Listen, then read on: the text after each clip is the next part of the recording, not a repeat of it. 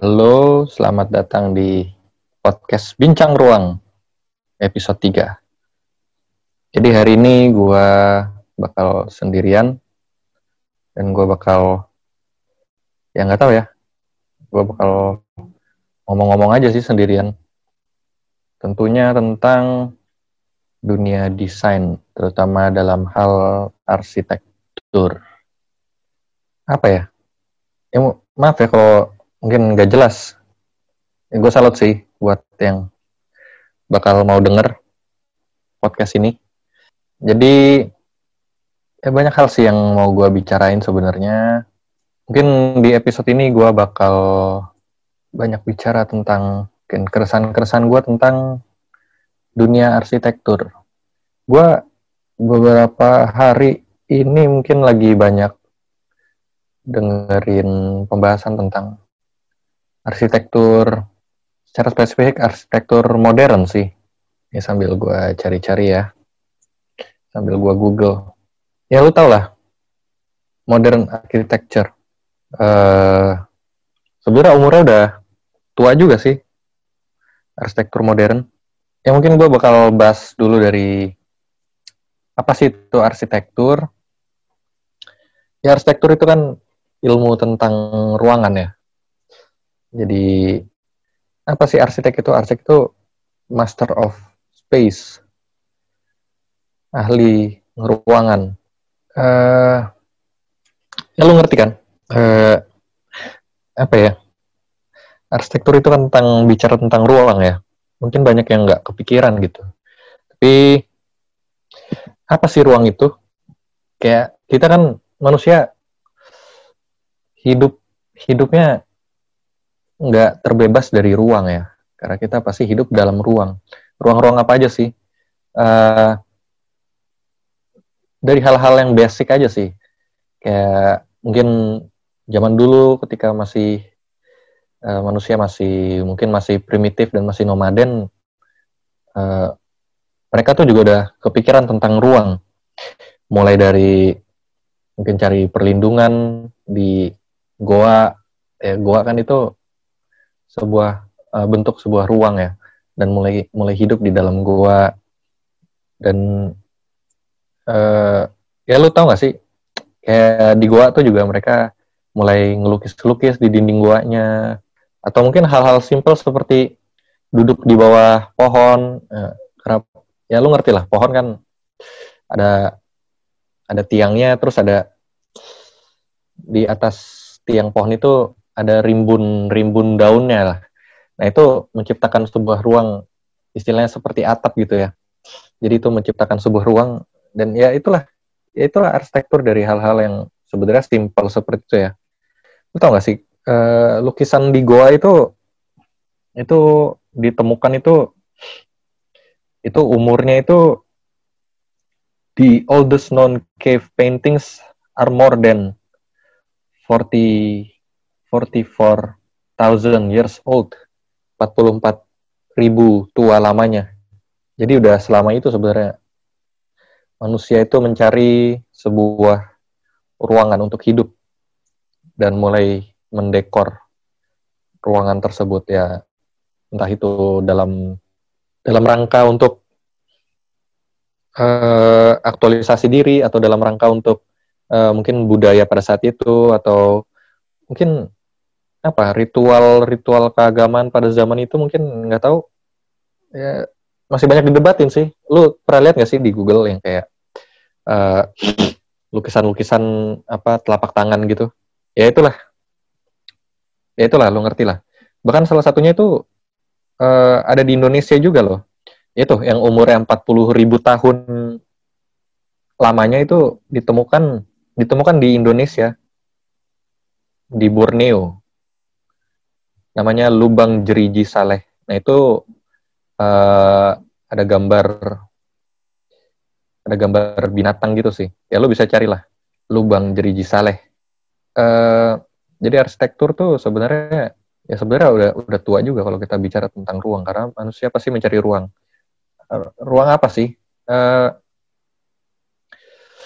sebenarnya ada pertamanya pasti tentang tentang melindungi diri dulu ya.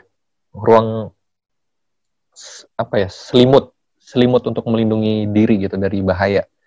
Ya lu kan punya kulit kulit itu ya perlindungan diri perlindungan diri lu yang paling basic lah nempel di badan lu. Kemudian perlindungan setelah kulit ya lu punya baju atau pakaian atau sandang ya. Itu untuk melindungi diri lu juga kan dari dari uh, uh, luka fisik atau mungkin dari uh, panas, cuaca, iklim. Dan yang ketiga ya baru lu punya punya ruang-ruang itu yang melindungi lu. Itu lapisan ketiga lu berarti ya dari kulit, baju, kemudian baru uh, bangunan atau ruang untuk melindungi diri lu itu. Um, ya mungkin pertama-tama fungsinya untuk melindungi diri, tapi lama kelamaan ya menjadi muncul makna di situ. Uh, itu jadi perpanjangan diri lu, aktualisasi diri lu, atau itu dari uh, ya bentuk yang menggambarkan diri lu lah. Ya kalau dari kulit, dari kulit ya di segala budaya atau culture di seluruh dunia tuh pasti ada yang namanya body painting, entah itu dalam bentuk tato atau uh, ya begitulah untuk menggambarkan mungkin menggambarkan culture atau ritual atau itu menunjukkan diri lo atau menunjukkan bahwa ya gue nggak tahu sih ya culture-nya beda-beda. Mungkin itu menunjukkan bahwa uh, seseorang udah dewasa dan makanya ditato ya gue nggak tahu lah culture. Mungkin beda-beda culture-nya. Dan itu yang menjadi menunjukkan diri lu dalam dalam bentuk kulit. Kemudian ya kalau baju itu menjadi uh, yang yang kita kenal sekarang namanya fashion ya selain melindungi diri itu juga jadi bentuk aktualisasi diri lu kan? Ya lu mungkin udah nggak mikir lagi tentang panas atau dingin karena di mobil atau apa sekarang semua udah pakai AC tapi ya jadi akhirnya menjadi uh, bentuk aktualisasi diri lu. Lu mau nunjukin bahwa lu orang yang yang seperti apa sih dengan gaya berpakaian lu. Dan ya itu ditarik keluar lagi menjadi ke bentuk bangunan uh, ke rumah lu atau mungkin kantor uh, mungkin rumah lu lu mau menggambarkan diri lu seperti apa lu bentuk rumahnya seperti apa uh, ya ngerti lah kayak wah wah ini rumahnya si Pak Pak Joko ya? Oh, Pak Joko ya rumahnya. Oh ya bagus ya. Uh, wah Pak Joko nih udah sukses udah kaya. Ya, ngerti lah untuk menunjukkan diri lu gitu. Terus ya bukan hanya diri ya mungkin menunjukkan identitas perusahaan lu dalam bentuk kantor. Ya Google mau menunjukkan uh, menunjukkan sisinya yang yang fun atau apa ya dia bikin kantor yang fun, colorful terus ada prosotannya ya, itu jadi kayak jadi identitasnya Google gitu. Dengan dia membentuk ruang ruang ya itulah ruang arsitekturnya itu. Ya jadi lu ngerti lah maksudnya uh, mungkin pada awalnya untuk melindungi diri untuk untuk kebutuhan tapi untuk kebutuhan untuk uh, berlindung dari dari uh, faktor eksternal dari diri lu. Tapi kemudian itu menjadi sesuatu yang yang mau lu pancarkan dari dari dari dalam diri lu. Yang ngerti ya uh, filosofinya ya? Kayak dulu lu menciptakan itu untuk untuk uh, melindungi diri lu dari sesuatu yang di luar. Jadi dari luar ke dalam itu lo mau tahan. Uh, eh, lama kelamaan itu menjadi sesuatu yang lo mau tunjukin dari dalam diri lo itu itu keluar gitu.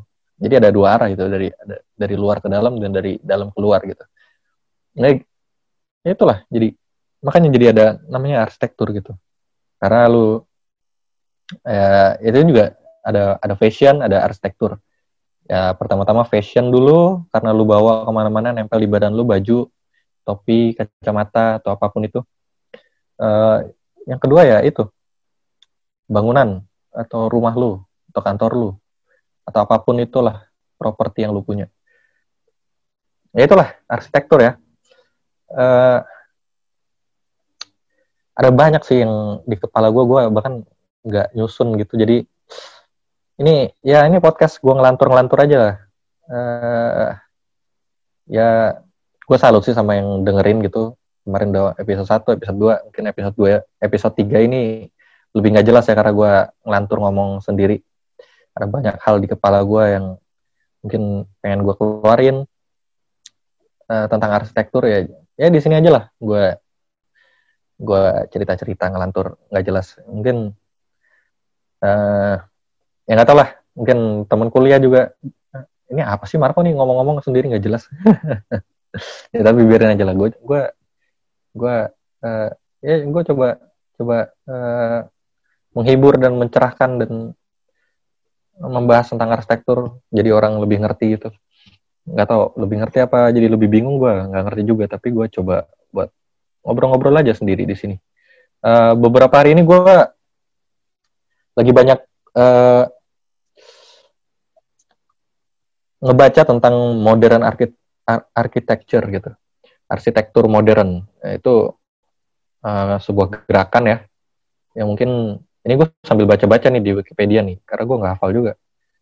Uh, ada banyak ada banyak faktor yang mungkin mempengaruhi pergerakan uh, sampai akhirnya ke bergerak ke uh, bentuk bentuk arsitektur yang modern. Uh, beberapa orang percaya itu bentuk arsitektur modern itu yang pertama-tama adalah uh, the, Chris, the Crystal Palace.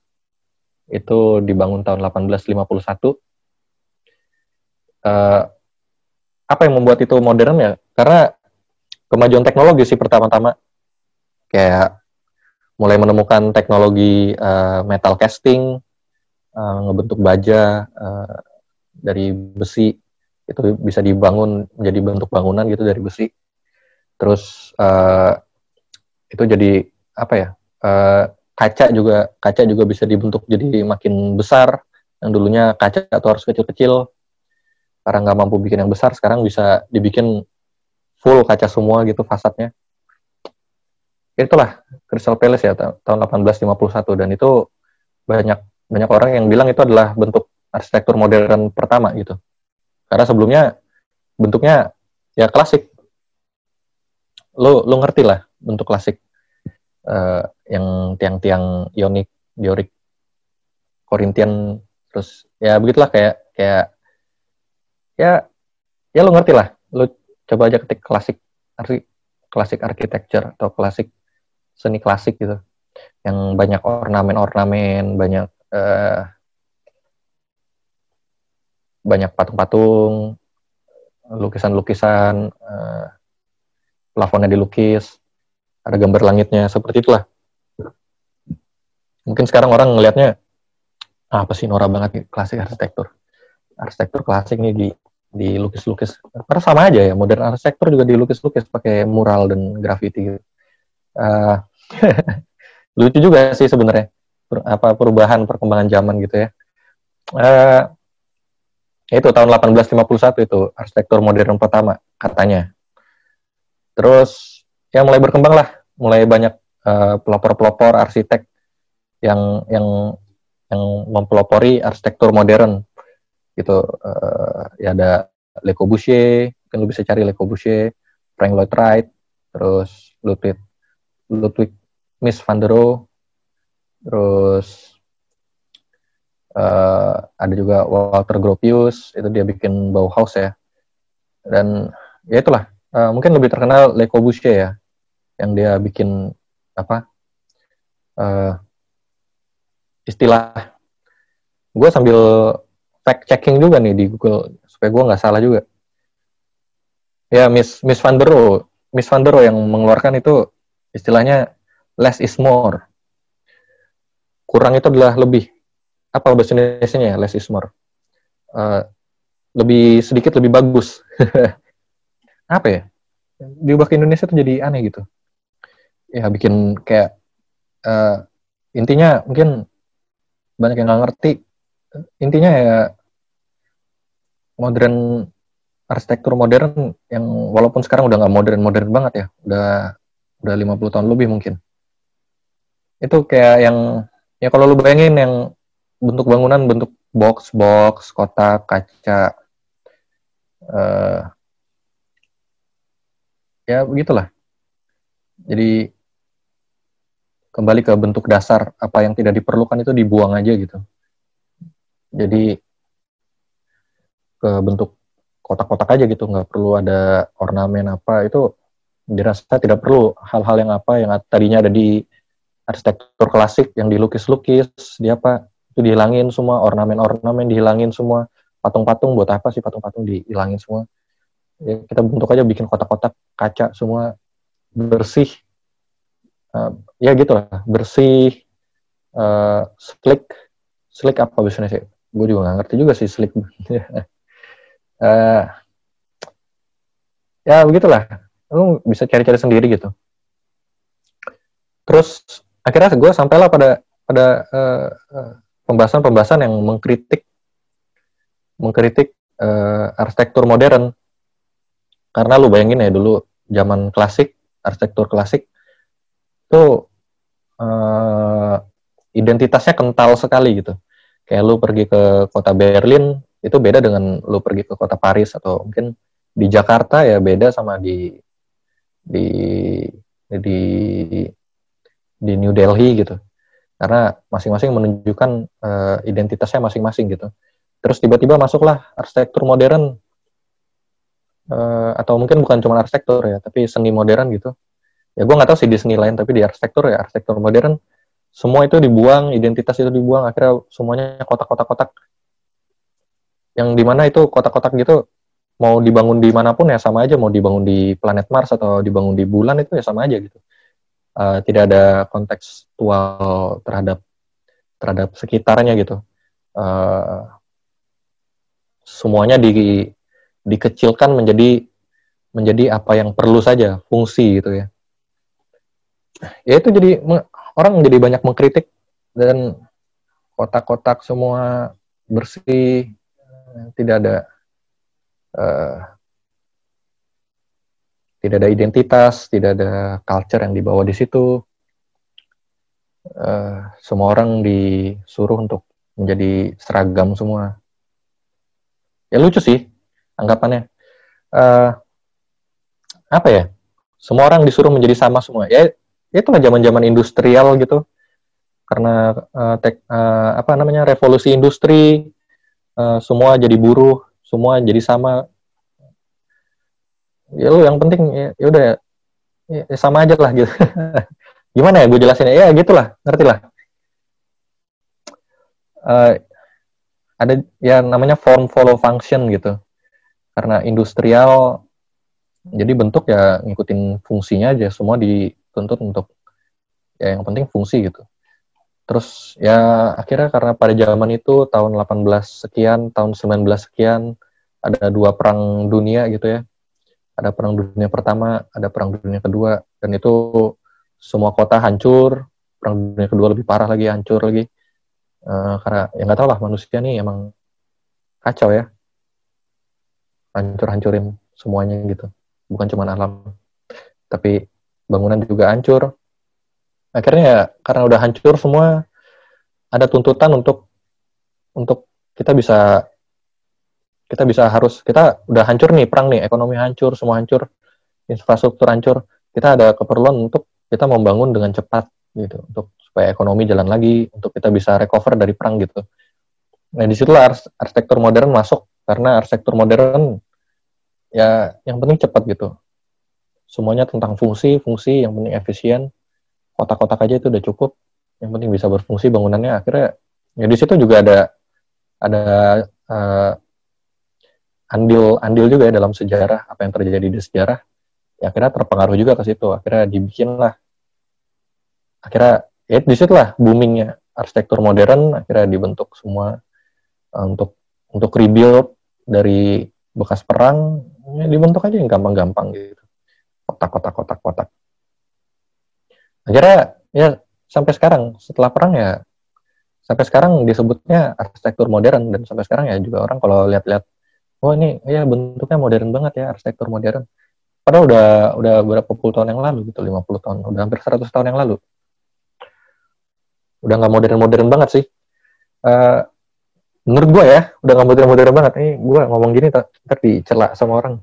Gue bukan siapa siapa nggak ngerti apa apa uh, ya ngerti lah ini ini seling-seling jadi jokes juga ya, jadi komedi. Kita menemukan komedi terhadap society kita sendiri ya kita ketawain aja. Terus ya dari pemikiran itu ya gue juga ya gue ngebayangin sih waktu dulu zaman-zaman tahun-tahun itu ya 18 sekitar 18 berapa tadi 1850-an ya awal-awal 18 akhir dan 19 awal ketika lu jadi arsitek di situ lu jadi arsitek oh, zaman itu kayak lu sekolah terus uh, keluarga lu kayak papa mama lu kayak iya iya jadi arsitek aja bagus kok ini gini gini uh, terus iya iya arsitek bagus terus ya udah lu akhirnya jadi arsitek lah di zaman itu terus lu melihat sekeliling kota lu itu wah, wah rame sekali ya kayak banyak ornamen-ornamen semuanya klasik Iya. Terus kayak pikiran, oh ya, oh jadi arsitektur tuh seperti ini ya, penuh dengan uh, ornamen-ornamen gitu ya, lukisan bagus. Terus akhirnya lu kuliah, terus lu masuk dunia kerja, lu mulai mulai gambar-gambar, gambar-gambar. Ini ini susah banget sih nih bikin arsitektur nih. Banyak ornamen-ornamen gue gambarnya waktu belum ada komputer lagi. Coba ada komputer. Kayak komputer juga susah kali. susah banget sih. Udahlah arsitektur jangan begini. Bikin aja lah yang simpel-simpel kotak-kotak lurus-lurus. Gampang gambarnya pakai penggaris. Mungkin begitu kali ya awal awal mulanya gitu ya. Terus ya udahlah kita uh, bikin kelompok gitu kelompok arsitektur kita bikin mulai gerakan arsitektur modern. ya nggak tahu ini gue komedi-komedi aja ini nggak tahu lah terus ya udahlah akhirnya jadi arsitektur modern dan uh, apa ya dari segi marketing juga uh, berusaha untuk menjual ini loh arsitektur yang bagus tuh ini kayak gini inilah yang namanya modern gitu. Yang yang dulu dibilang kayak wah itu itu jelek itu itu bukan mod, tidak modern itu klasik. Ini modern tuh kita manusia modern semua udah mulai modern kita udah punya pesawat udah punya tank. Inilah modern gitu ya industri. Pakai besi baja semua kotak-kotak beton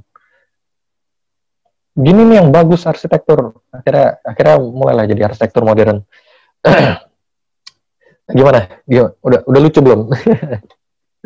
Uh, ya jadi begitulah.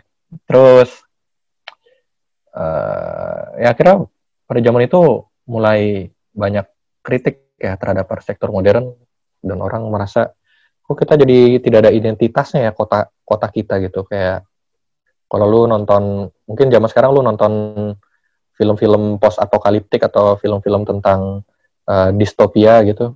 Uh, distopia lu ngerti ya? Kebalikannya dari utopia. Kalau utopia tuh kayak utopia itu kan apa ya bentuk society yang ideal lah. Distopia ya kebalikannya bentuk society yang mungkin agak agak agak tidak ideal ya. Mungkin mungkin uh, ya acak-acakan atau uh, agak anarkis, uh, tidak teratur, gimana ya distopia. Hmm. Ini supaya gue nggak salah, gue gue ketik aja di Google terus gue bacain dystopia. Ya itu, it describe an imaginary society that that is as dehumanizing and as unpleasant as possible. Jadi kayak dehuma apa bahasa Indonesia? De, dehumanizing kayak menurunkan derajat manusia gitu ya kayak tidak tidak berperi kemanusiaan sekali sih nih kayak ya lu kalau nonton film-film yang distopia gitu ya itu terus lu lihat bangunan-bangunannya kayak ya itulah arsitektur modern. Dehumanisasi ya. Oh iya bahasanya de dehumanisasi. Tidak manusiawi sekali sih. Kotak-kotak semua dibilang dibilang harus sama gitu tidak ada identitas. Lalu kalau nonton film-film distopia ya itulah yang lu temukan gitu. Ya, jadi kayak apa ya? Ya mungkin ada yang salah gitu di arsitektur modern gitu. Karena de mendegradasikan manusia gitu. semuanya tentang fungsi-fungsi tidak ada keindahannya lagi nah ya, ya gitu ya modern arsitektur uh, orang orang jadi akhirnya mengkritik kan jadi orang tidak happy terus ya ada lagi tentang apa uh, gue lupa ya Le Corbusier siapa yang bikin uh, sebuah kota itu tentang apa dia bikin perumahan inilah perumahan modern gitu atau apa ya? Gue mungkin gue mesti cari-cari dulu ya. Supaya gue nggak salah nih. Ya gitu lah mungkin gue lanjutin aja ya. Gue nggak gue nggak nemu sih apa yang gue maksud yang ingin gue bicarakan itu. Uh, mungkin kalau lu tahu bisa lu tinggalin di komen. Uh, jadi ada mereka bikin uh, mereka punya idealis. Gue lupa juga arsiteknya siapa. Mereka punya sebuah idealisme untuk membuat sebuah uh, pemukiman atau perumahan gitu ya akhirnya ya mereka bikin tapi akhirnya itu tidak memanusiakan manusia dan akhirnya itu menjadi tempat yang kumuh dan banyak vandalisme di sana dan banyak kejahatan dan akhirnya ya akhirnya itu menjadi sebuah proyek arsitektur atau sebuah desain arsitektur yang gagal gitu. Uh, yang mau gue tekanin di sini sih sebenarnya bahwa uh, seperti yang tadi gue udah jelasin di awal ya karena arsitektur itu kan uh, arsitektur itu erat kaitannya dengan kehidupan manusia sehari-hari ya. Bahkan dari zaman manusia masih masih nomaden masih berburu dan masih primitif itu juga mereka mencari uh, sebuah ruang.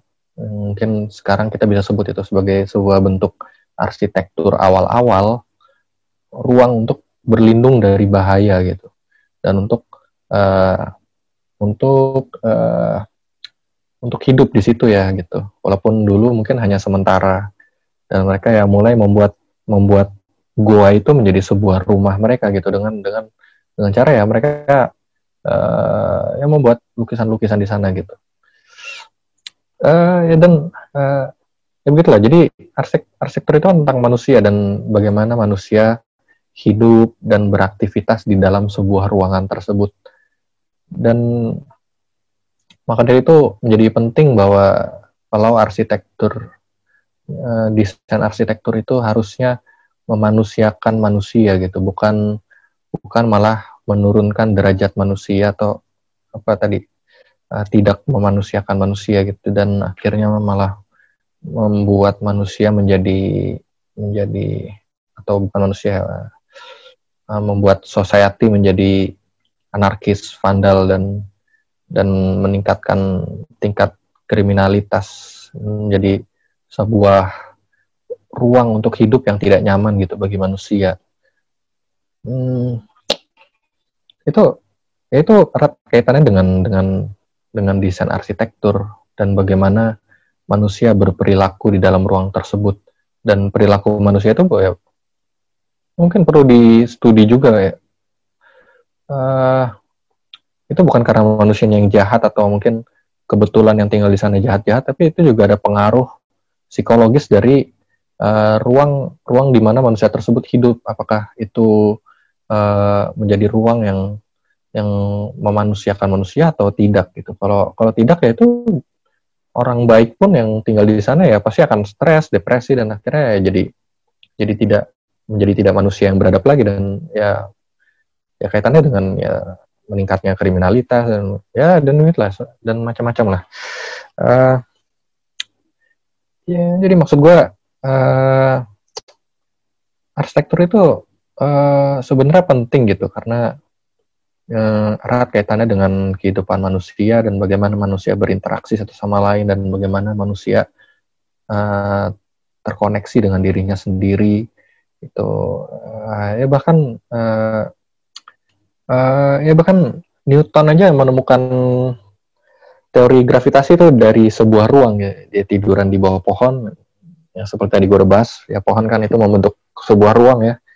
Ada ruang atap ada atap yang terbentuk dari pohon itu dan dia kejatuhan pohon apel dan akhirnya ditemukanlah uh, teori gravitasi itu karena pohonnya uh, apelnya jatuh ya ke kepalanya Newton katanya seperti itu ceritanya jadi uh, karena manusia itu beraktivitas di dalam ruang, eh, pastilah ruangan itu pasti akan memberikan pengaruh terhadap terhadap manusia manusia yang beraktivitas di dalamnya dan bermeditasi di dalam dalam ruang tersebut, melakukan pemikiran dalam ruang tersebut. Pasti ada pengaruhnya gitu, secara psikologis, secara secara uh, secara fisik bahkan. Dan ya di situlah pentingnya arsitektur. Um, tapi apa ya? Uh, banyak banyak hal mungkin yang mungkin uh, terlalu segmented atau seperti apa dan akhirnya arsitektur itu menjadi suatu hal yang dianggap pada zaman pada saat ini ya tidak penting gitu bagi masyarakat awam nah, itu kan cuma gambar aja atau apa ya padahal sebenarnya kalau dipelajarin itu dalam banget gitu dan kita bisa lihat dari sejarah perkembangan perkembangan perkembangannya seperti apa dan dan betapa pentingnya itu sebuah ruang itu terdesain dengan baik gitu. Uh, uh, gue juga jadi banyak berpikir sih tentang sejarah. Uh, ada banyak hal di arsitektur tuh yang menurut gue hilang dan tidak tidak sampai gitu.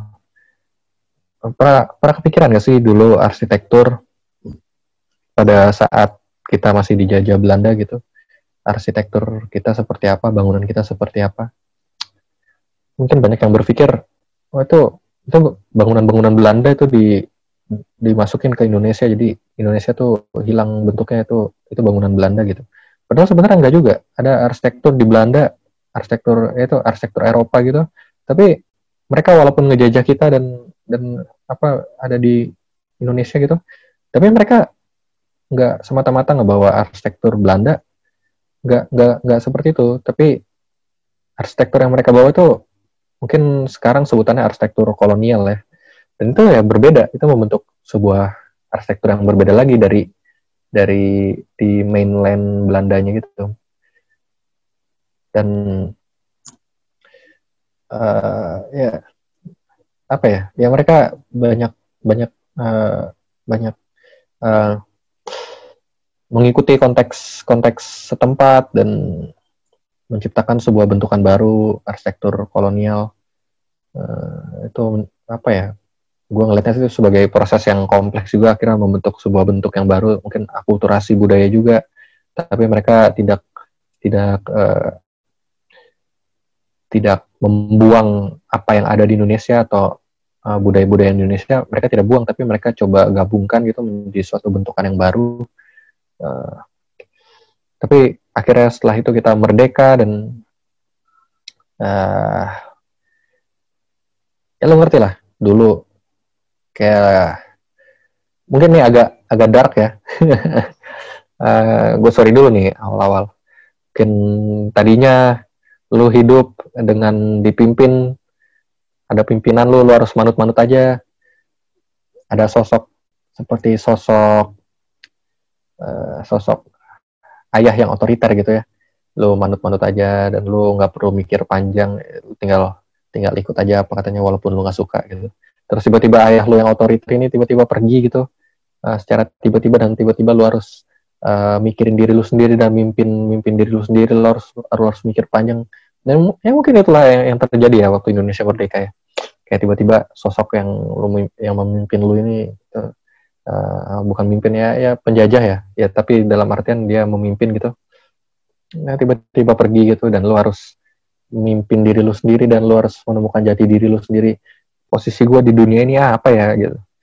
Nah, terus akhirnya ya akhirnya Indonesia mencari jati dirinya sendiri dan mungkin itu ada pengaruhnya juga ke arsitektur gitu gaya arsitektur pada zaman itu setelah merdeka bagaimana.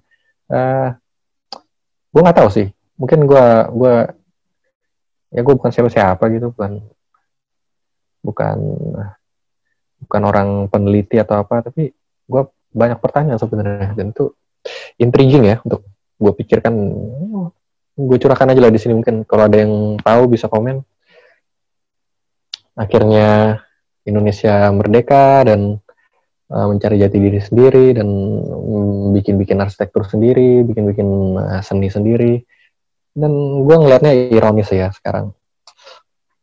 Dengan adanya perkembangan uh, mungkin ada pengaruh juga dengan arsitektur modern dan yang dulunya Belanda bikin arsitektur di Indonesia dengan akulturasi uh, budaya Indonesia dan membentuk uh, apa yang kita kenal dengan arsitektur kolonial. Terus setelah merdeka tiba-tiba kita malah malah uh, ikut-ikut arsitektur modern gitu yang tidak ada tidak ada uh, tidak ada identitasnya dan kita apa ya ironis ya kelihatan aduh terus ya lu ngerti lah maksud gue ya ironis ironisnya gitu. Uh, eh, ya itulah namanya international style ya. Tapi gue jadi kepikiran juga mungkin pada zaman itu itu kan udah lama banget ya udah arsitektur modern tuh udah berkembang mungkin udah selama 70 tahun hampir 100 tahun. Dan pada zaman itu kritik-kritik yang muncul terhadap arsitektur modern itu mungkin muncul ketika pada zaman itu tidak ada internet gitu ya. Dan sekarang sekarang teknologi terus berkembang dan ada media media komunikasi internet semakin cepat. Gue ngeliatnya makin ke sini apa ya dunia semakin terhubung dan dan itu jadi berpengaruh juga ke karya seni atau batas-batas culture tuh jadi mungkin jadi satu persatu hilang. Dan orang lama-lama di seluruh dunia menjadi sama gitu kayak kayak lu bayangin ya ada si uh, si si Jamal gitu Jamal. Dia hidupnya di gang uh, di gang Merdeka gitu di di salah satu uh, di salah satu jalan kecil di Jakarta. Di rumah kecil yang nggak tahu kalau di peta juga nggak kelihatan rumahnya kecil sekali. Tapi karena ada internet dia bisa jalan-jalan lihat Paris lihat lihat Berlin lihat lihat uh, lihat India lihat Cina gimana terus sekarang ada ada Google Map, Google Earth, lu bisa lihat di situ secara 3D gitu bangunan-bangunannya. Apa ya? Jadi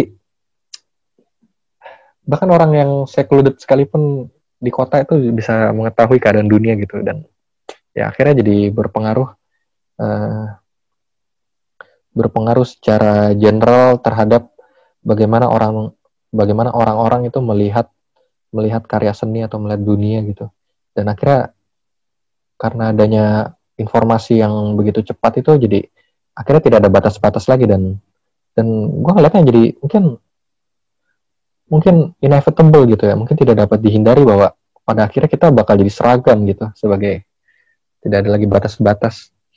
Karena karena itulah uh, sharing of knowledge gitu yang begitu begitu luas dan cepat gitu ya akhirnya jadi international style lagi ujung-ujungnya mungkin ke depannya. Pernah mikir gak sih seperti itu atau cuman gue aja ya? Uh, tapi di satu sisi juga ya gue nggak tahu mana yang gue nggak bilang mana yang bagus mana yang jelek sih tapi gue percaya masing-masing punya downside dan upside-nya masing-masing masing-masing punya kejelekan dan keburukannya masing-masing gitu hmm,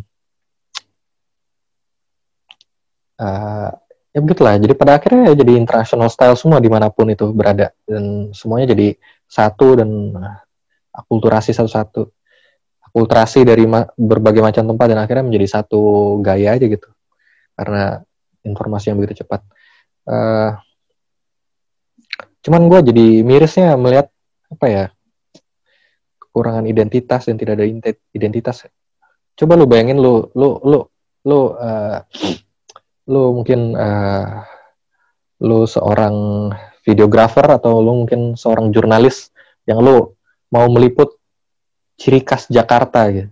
Lu mau meliput tentang ciri khas Jakarta. Kehidupan masyarakat Jakarta tuh seperti apa uh, yang originalnya ya, yang original dan dan kehidupan Jakarta yang sebenarnya itu seperti apa sih gitu. Yang yang bukan bukan hanya di permukaan saja ya, tapi yang di dalam-dalamnya gitu dan yang lu lihat-lihat apa sih? Yang lu cari-cari akhirnya? Lu pergi ke Sudirman lu pergi ke Kuningan gedung-gedung.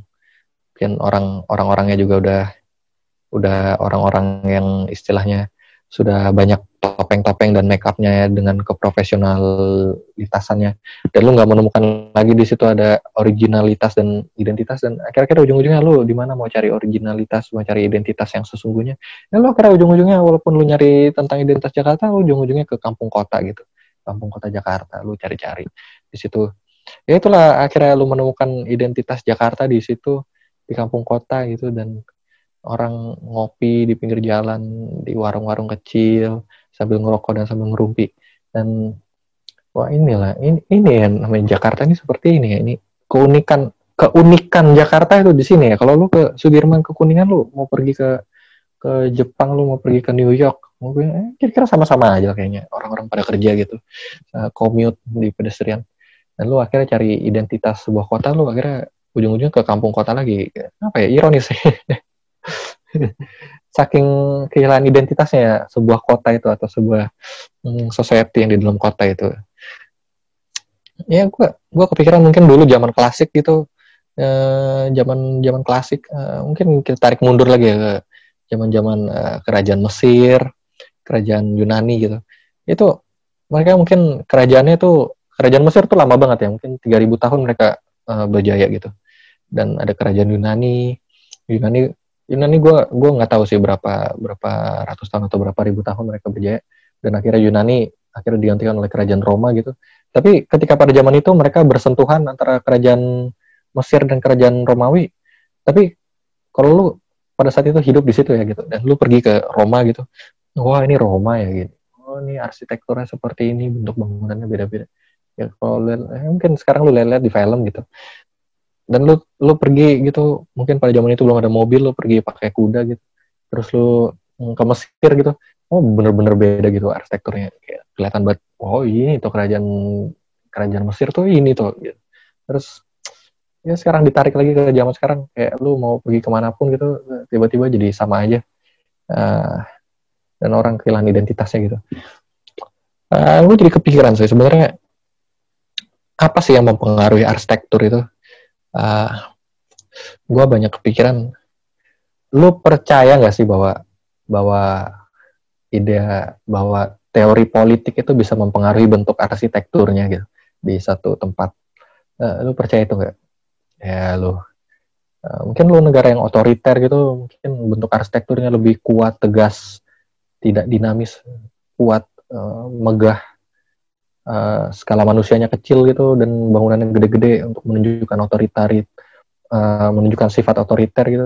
Ketika lo negara demokrasi uh, bentuk mungkin bentuk arsitekturnya lebih bebas orang lebih mungkin ada yang bentuknya dinamis aneh-aneh mungkin sampai ada yang bentuknya nggak uh, jelas gitu lu bahkan nggak bisa ngebayangin gitu.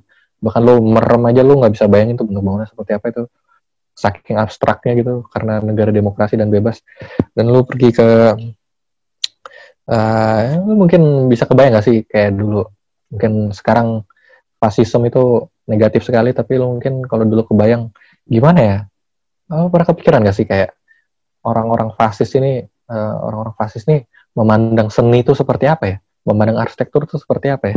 Mungkin kalau negara fas ada uh, mungkin kalau sekarang ada negara fasis mungkin yang gue tangkap sih orang fasis negara fasis tuh uh, mereka percaya dengan purity of essence gitu, purity of meaning. Uh, semuanya serba pure mungkin mereka nggak bakal kehilangan identitas gitu mereka akan menjunjung tinggi identitasnya mereka gitu uh, apa ya menarik ya kayak kayak otak gue tuh banyak banget gue kebayang macam-macam dan gue nggak tahu gue mesti diskusi sama siapa gitu eh kalau Hitler menang perang gitu kira-kira bentuk kota Berlin tuh sekarang seperti apa ya? Pernah kepikiran gak sih? Uh, ya mungkin akan oh, inilah Jerman gitu. Ras paling paling mulia gitu. Dan itu itu tergambarkan juga dari bentuk bangunannya bahwa inilah sesuatu yang mulia gitu. Inilah uh, ciri khas bangsa yang mulia bangunannya dan terlihat arsitekturnya seperti apa. Ada yang tahu nggak sih uh, preferensi arsitektur atau preferensi seni seorang Hitler itu seperti apa? Mungkin itu menarik juga untuk studi. Uh, di mana sekarang kita mungkin kehilangan makna itu ya. Gua gua nggak gua nggak bilang kita harus jadi fasis gitu. Tapi mungkin kita bisa belajar gitu dari dari fasis bahwa mereka percaya dengan purity of essence dan uh, ya mungkin uh, jadi bisa menunjukkan sedikit lah identitasnya gitu menunjukkan bahwa kemuliaan identitas kita dan hmm, identitas kita itu nggak kalah loh dari yang lain. Uh, ironis ya kayak. Ya gue ngeliatnya ironis sih kayak sekarang kita mengeluh-elukan uh, uh, budaya barat dan itu mungkin tergambar juga ke ke banyak hal dalam kehidupan kita dari fashion kita ya. dan mungkin secara nggak langsung juga ke arsitektur ke bentuk-bentuk bangunan kita. Uh, karena kita melihat melihatnya itu sesuatu yang maju itu pasti harus selalu dari barat gitu. Hmm, padahal dulu waktu Belanda negara barat tuh ngejajah kita mereka justru mengembangkan uh, budaya kita dan akulturasi dan membentuk sebuah bentuk yang baru gitu. Uh, bahkan ada fakta menarik ya. Lu lu pikir Bali tuh sekarang Bali? Bali tuh sekarang budayanya kan kuat sekali ya dan itu yang menjadi daya tarik. Daya tarik itu bahwa karena budaya di Bali tuh ini ya ini yang menarik dari identitas. Uh, ketika lu kota lu punya identitas ya lu jadi jadi jadi menarik gitu. Oh, lu pergi ke Bali tuh pasti beda banget uh, rasanya gitu. Ada ada ada rasa gitu yang yang berbeda gitu ketika lu pergi ke Bali saking kuatnya identitas mereka. Dan lu tau gak sih di Bali itu ada peraturan bahwa bangunan tuh nggak boleh lebih tinggi dari pohon kelapa gitu? Lu, lu, lu tahu gak sih? Eh, itu ya yang membuat jadi menarik itu di Bali uh, karena saking identitasnya kuat budaya kuat. Dan lu ke Bali tuh uh, lu pasti bisa oh ya ini ini ini ini Bali nih gitu. Bukan bukan Jakarta atau bukan bukan Bandung. Uh, terlihat sekali gitu. Dan uh,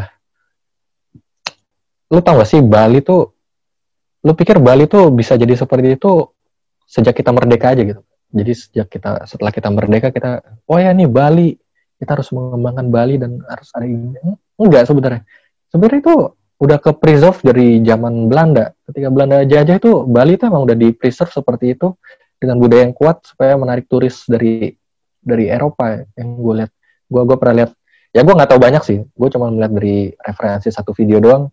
Uh, itu video tentang uh, iklan iklan mungkin semacam propaganda ya. Ketika waktu itu kita masih dijajah kita disebutnya masih Hindia Belanda. Dan mereka uh, menggambarkan oh inilah Hindia Belanda subject of of Netherlands subject of Dutch ya. Subjects of Queens of Dutch ya. Uh, dan kita dan mereka mencoba menggambarkan Indonesia seperti apa. Ya digambarkan gitu. Jakarta orang-orangnya seperti ini um, gue lupa sebutnya Jakarta atau Sunda Kelapa atau Batavia lupa gue terus di satu segmen mereka juga ada nunjukin nunjukin Bali gitu uh, dan di Bali ya, ya kayak gitu. Mereka tunjukin tari kecak-kecak tari cak-cak apa namanya? Tari kecak-kecak ya itulah. Terus yang ada ya, ya kayak gitulah yang lu lihat di Bali sekarang ya itu yang ditunjukin pada saat itu pada zaman 1940 sekian. Itu adalah uh, video propaganda. Mungkin bukan propaganda mungkin video untuk menyemangati masyarakat gitu ya. Uh, bahwa pada zaman itu uh, Jepang sudah mulai mulai menyerang gitu sebagai cahaya Asia. Uh, mereka mulai memperluas wilayah mereka dan dan akhirnya orang orang-orang Hindia Belanda ini udah tahu nih ini Jepang pasti bakal sampai ke Hindia Belanda gitu. Dan ya mereka akhirnya membuat video itu untuk untuk uh, menunjukkan bahwa kita masih kuat gitu. Ini ini Indonesia ini negara yang uh, bukan Indonesia Hindia Belanda ini adalah suatu daerah yang yang layak untuk diperjuangkan gitu. Dan mereka nunjukin semuanya gitu yang ada di Hindia Belanda. Dan ya kita juga punya kekuatan militer yang kuat untuk menumpas Jepang ayo semangat gitu. Ya intinya begitu. Tapi yang mau gua uh, yang mau gua point out dari situ ya itu mereka nunjukin ada mereka nunjukin budaya Bali gitu. Sama seperti sekarang gitu. Jadi apa ya?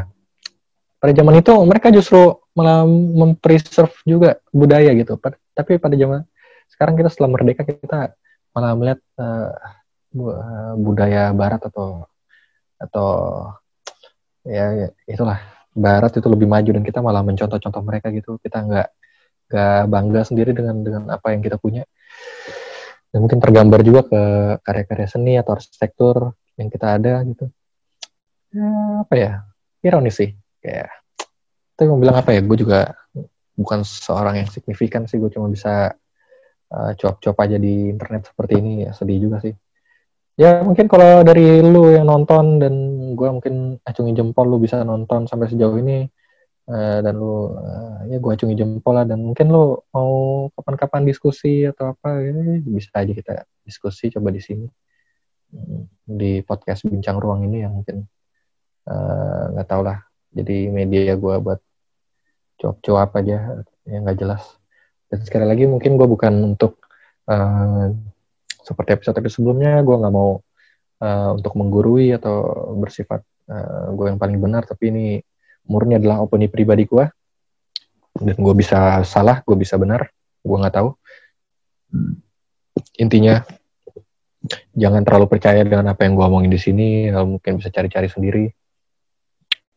Apalagi yang mau gue bahas? Gue tuh banyak banget yang gue pikirin. Uh, ya gue salut sih dengan uh, gubernur Bandung kota Bandung yang dulu ya. Dari apa yang tadi kita bahas gue bisa lihat usaha dia untuk menciptakan sebuah menciptakan ciri khas Bandung gitu. Dengan ya dulu uh, dia bikin taman-taman ada taman jomblo ada taman potret dan macam-macam lah. Ada ada ciri khas ciri khas yang mau dia tampilkan dan itu gue acungi jempol loh setelah kita bahas-bahas lama seperti ini gue jadi kebayang juga dengan Bandung itu dengan dengan usaha dia menunjukkan bahwa ini loh Bandung gitu. Dan dia bikin taman-taman seperti taman film atau taman apa ya waktu itu ya ada banyak banget. Hampir di setiap titik lu jalan 15 menit tuh ada taman lagi dan masing-masing taman itu punya tema-tema yang berbeda-beda. Ada beberapa yang norak beberapa tapi ya, norak-norak juga itu tuh menciptakan sebuah identitas sebuah kota juga sih dan itu jadi yang hal yang dikenang ketika lu ke Bandung ya itu gitu. Gitulah yang mungkin jarang gue temukan ya. Mungkin. Ya begitulah mungkin uh, ini udah berapa lama ini rekamannya ya mungkin udah lama juga. Udah sekian dulu mungkin. Mungkin kalau ada yang mau komen dan apa dan terima kasih juga sih yang udah nonton sepanjang ini dengerin gue uh, cop-cop nggak jelas. Uh, dengerin ngobrol-ngobrolan gue nggak jelas. Tapi ya lo ngerti lah maksud gue maksud gue tentang uh, apa ya? Mungkin pemikiran-pemikiran yang mungkin nggak bisa gue tuangkan dan ya menyedihkan juga nggak ada teman untuk berbicara akhirnya bicara sendiri di YouTube terus tentang pentingnya arsitektur dan arsitektur itu apa dari zaman dulu. Kita udah berusaha untuk mencari sebuah ruang untuk hidup. Dan sampai sekarang gitu. Ya, gue jadi kebas gue jadi kepikiran juga sih. Kayak ya itu mungkin nantilah next episode. Uh, ya gue ada pemikiran-pemikiran lagi ya. Mungkin semoga gue nggak lupa dan gue bisa bahas di news selanjutnya. Ya, jadi intinya seperti itu aja. Uh, terima kasih udah dengerin podcast bincang ruang di episode 3 ini. Uh, kita sudahi dulu dan Hmm, sampai ketemu di episode selanjutnya.